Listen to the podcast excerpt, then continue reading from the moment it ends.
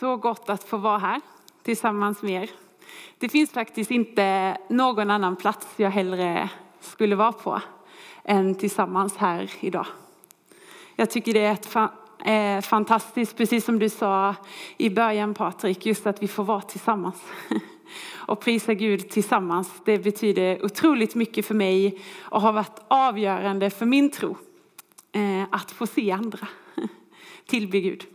Så det är så kul att vi är här tillsammans. Innan vi börjar så ber vi. Jesus, jag tackar dig att vi får komma till dig. Tack far i himlen för att du sände din son så att vi kan ha gemenskap med dig.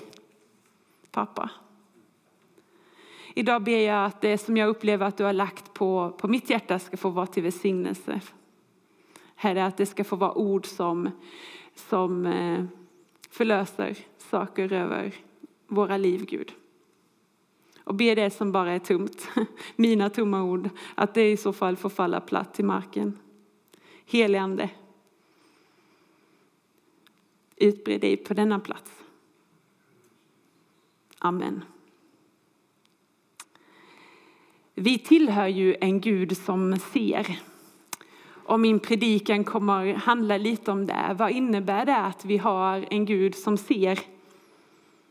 Att när Jesus möter människor så ser han inte bara det som är uppenbart, eh, det som är synligt, utan han ser det på insidan också. Eh, kanske det som inte vi visar för andra. Han ser både och. Och det jag tycker är fascinerande med Jesus, det är att han gör helt. Och vad innebär det då att han gör helt? Och vi ska möta en text idag i Markus. Det är egentligen en, en berättelse som är som en parentes mitt i en annan berättelse.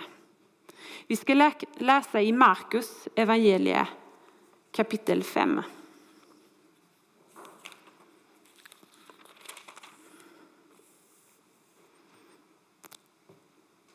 Och vi börjar läsa i vers 21. När Jesus hade farit tillbaka med båten till andra sidan sjön samlades en stor folkskara hos honom där han var vid sjön. En synagogsföreståndare som hette Jairus kom dit och då fick han se Jesus. Föll han ner vid hans fötter och bad honom enträget. Min dotter ligger för döden, kom och lägg händerna på henne så att hon blir frisk och får leva. Vi stannar lite. Detta måste nog vara något av det värsta en förälder kan uppleva. Att ens barn är döende. Den paniken och maktlösheten att som förälder inget kunna göra. Men Jairus han hoppades på Jesus, sökte upp honom och fann honom. Vi ska fortsätta läsa i vers 24. Då gick Jesus med honom. Mycket folk följde efter och trängde sig in på honom. Där var en kvinna som hade haft blödningar i tolv år. Fast hon hade lidit mycket hos många läkare och lagt ut allt hon ägde hade hon inte fått någon hjälp. Det hade bara blivit sämre med henne. Hon hade hört talas om Jesus och nu kom hon bakifrån i folkmassan och rörde vid hans mantel.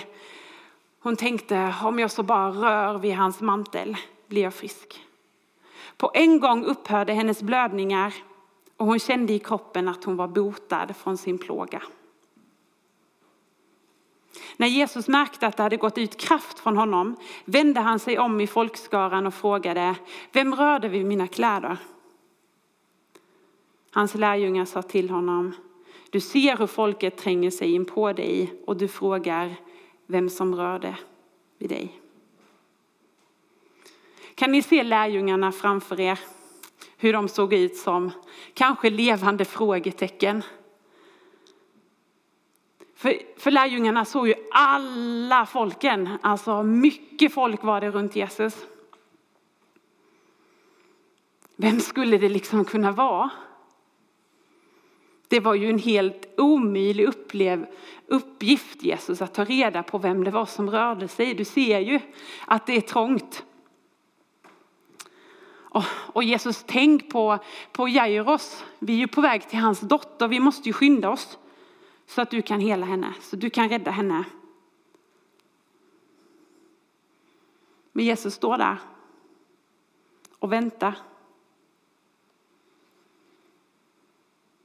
Tänk i tolv år hade den här kvinnan haft blödningar och inget hade hjälpt. Att ha blödningar, menstruation i tolv år, det är väldigt, väldigt många dagar. Och på den tiden så var det inte så mycket läkarna kunde hjälpa henne med. Och troligtvis så hade de kanske till och med förvärrat hennes tillstånd. Troligtvis så led den här kvinnan av svår blodbrist.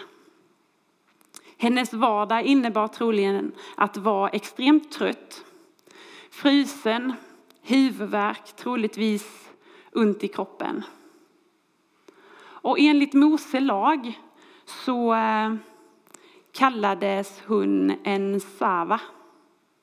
Det vill säga att hennes onormala blödningar som gjorde henne oren till dess att hennes, hennes blödningar gjorde henne oren till dess att de upphörde plus sju dagar. Detta gällde alla kvinnor som eh, hade mens på den tiden. De drog sig själva undan för att inte smitta eller göra någon annan oren. För det var så här att om man rörde en kvinna som hade blödningar så ansågs man vara oren. Man var tvungen att tvätta sig och sina kläder och sen trots det så ansågs man oren hela den dagen. Så grannar, familj och vänner höll sig undan och höll sig på avstånd just under den här perioden. Så kvinnan med blödningar höll sig undan. 12 år, 4 380 dagar. Utan beröring ifrån någon människa.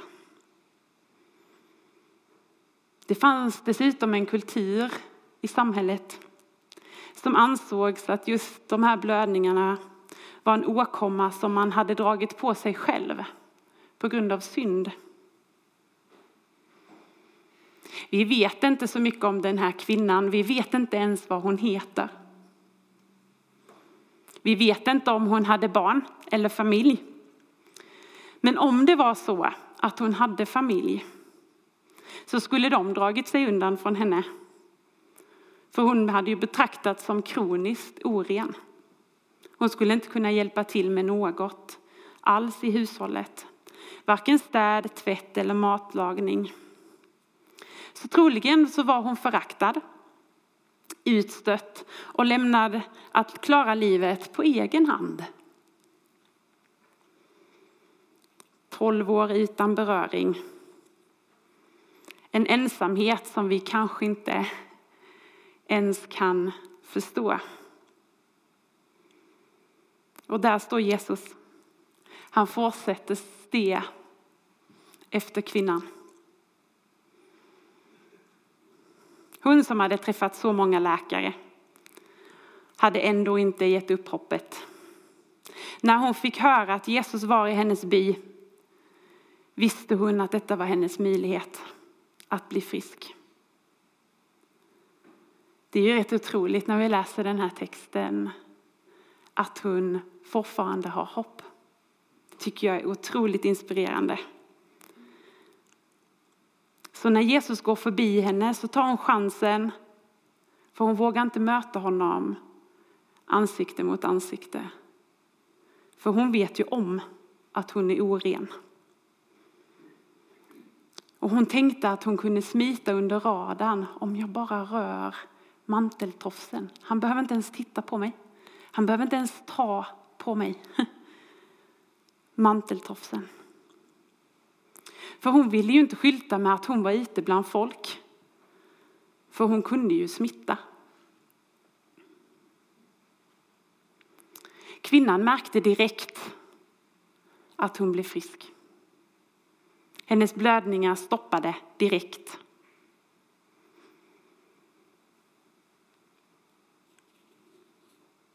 Men Jesus upplevde hur kraft gick ut ifrån honom. Och han visste precis vad som hade hänt. Jesus hade ju kunnat låta hennes helande vara mellan honom och henne. Eller hur?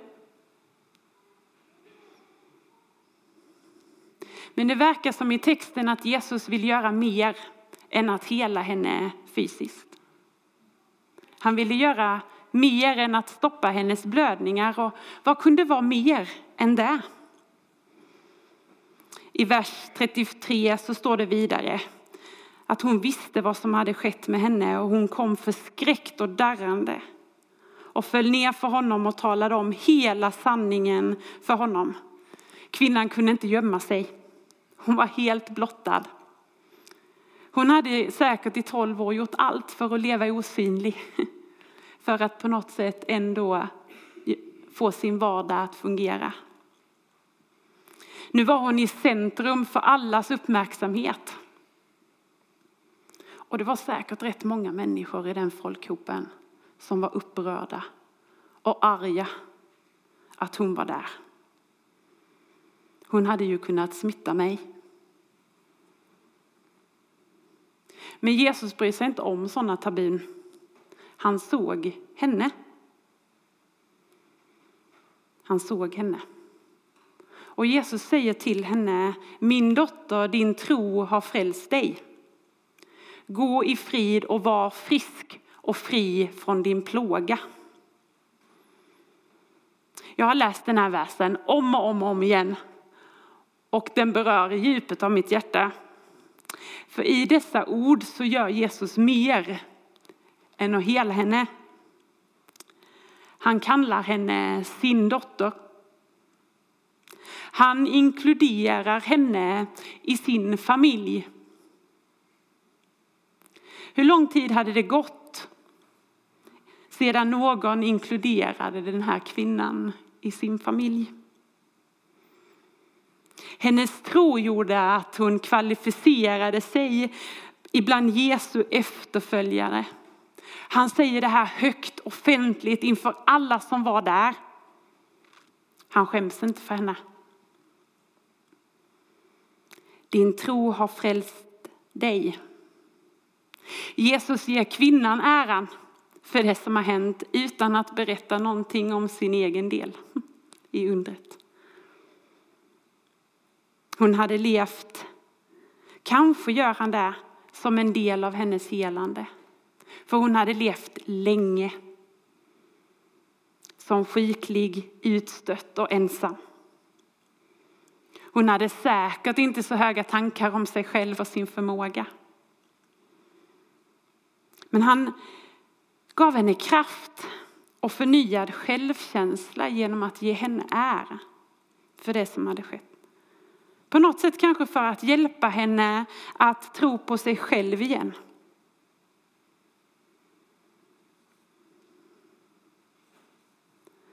Och det var som att han lät hans ord få tala om att det här var en speciell kvinna med extraordinär tro. Och därmed förändrade han hennes status och rykte. Han hade botat henne redan fysiskt, men han botar henne också känslomässigt och socialt. Men han gör mer. Hans sista ord till henne var gå i frid. Frid är en gåva som vi vet kommer från Gud genom hans heliga ande. Och denna gåva ges till dem som har omvänt sig och har ett rent hjärta.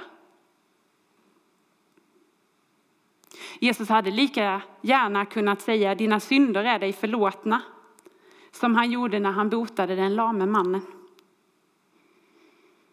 Och som han även säger i andra berättelser. Men med tanke på att denna kvinnan ansågs vara oren och att det ansågs i samhället att det berodde på synd var just den gåva som Jesus ger henne av inre renhet och frid ett underverk i sig. Säkert hade, om vi tänker oss in själva i den berättelsen, kvinnan hade säkert sett på sig själv som syndig och straffad av Gud under alla dessa år av lidande. För det var ju så andra såg på henne. Men Jesus som har makt att förlåta synder skänkte henne denna gåvan. Vetskapen om att hon var ren och kunde fyllas av Guds ande som ger hjärtat frid. När jag läste den här texten så läste jag hela texten och vi vet Jairos dotter är svårt sjuk. Och sen kommer denna texten.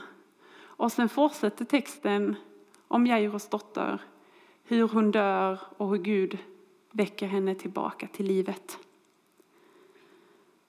Så den här parentesen om kvinnan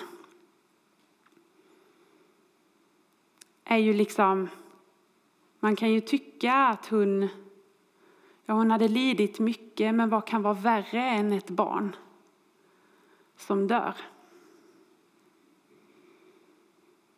Men det här är ju kanske en väldigt mänsklig tanke, att sätta det emot varandra. Som att Jesus alltid skyndar sig mot dem som har det värre, har värre sjukdomar, större synder, mer runt, större bekymmer, större frågor eller problem, tvivel. Det som vi ibland säger till Jesus, det finns de som har det värre. Har ni hört det uttrycket någon gång? Ja, men det är inte så farligt. Det finns de som har det värre. Kvinnan med blödningar lär oss att Jesus aldrig skyndar förbi dig. Jesus är ju alltid på väg. Vi läser i Bibeln så är han alltid på väg. Han är alltid på väg att möta. Vi alla kan vara på väg att möta. Men han har aldrig bråttom förbi. Det du har på ditt hjärta, ditt behov, det räknas för honom. Det enda som krävs det är att du sträcker ut din hand. För Jesus han vill möta med dig idag. Och jag vet inte Men om du har upplevt i att du är en parentes att det alltid liksom är någon annan som du prioriterar före dig själv. Eller att du kanske ser att andra har prioriterat före dig. Så tror jag Jesus vill göra någonting här idag. När kvinnan rör vid manteltofsen så eh, helar Jesus henne. Det var det hon trodde han skulle göra. Men Jesus gör mer. Han upprättar henne. Och jag tror att det är det Jesus vill göra här idag. Han vill kalla dig sin son och dotter. Han vill visa att han skäms inte för dig. Han vill ge dig ett erkännande för din utsträckta hand. Han vill ge dig sin frid idag.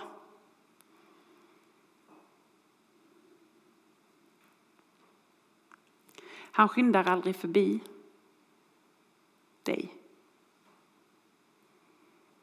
Och vi kan ibland ha bråttom. Att vi själva inte sätter oss där att amen, mina behov räknas. För jag tror vi alla har dem.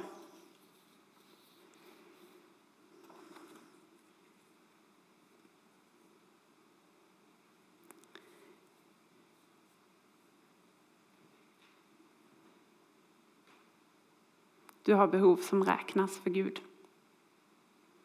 Och vi ska sjunga.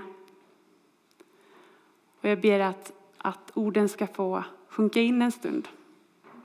Vad är det som jag har sagt, har Gud talat till dig om?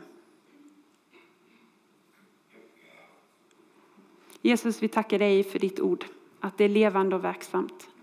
Vi tackar dig för vad kvinnan med blödningar lär oss. Kom heligande och visa och hjälp oss att ta till det som du vill säga till oss just den här stunden. Amen.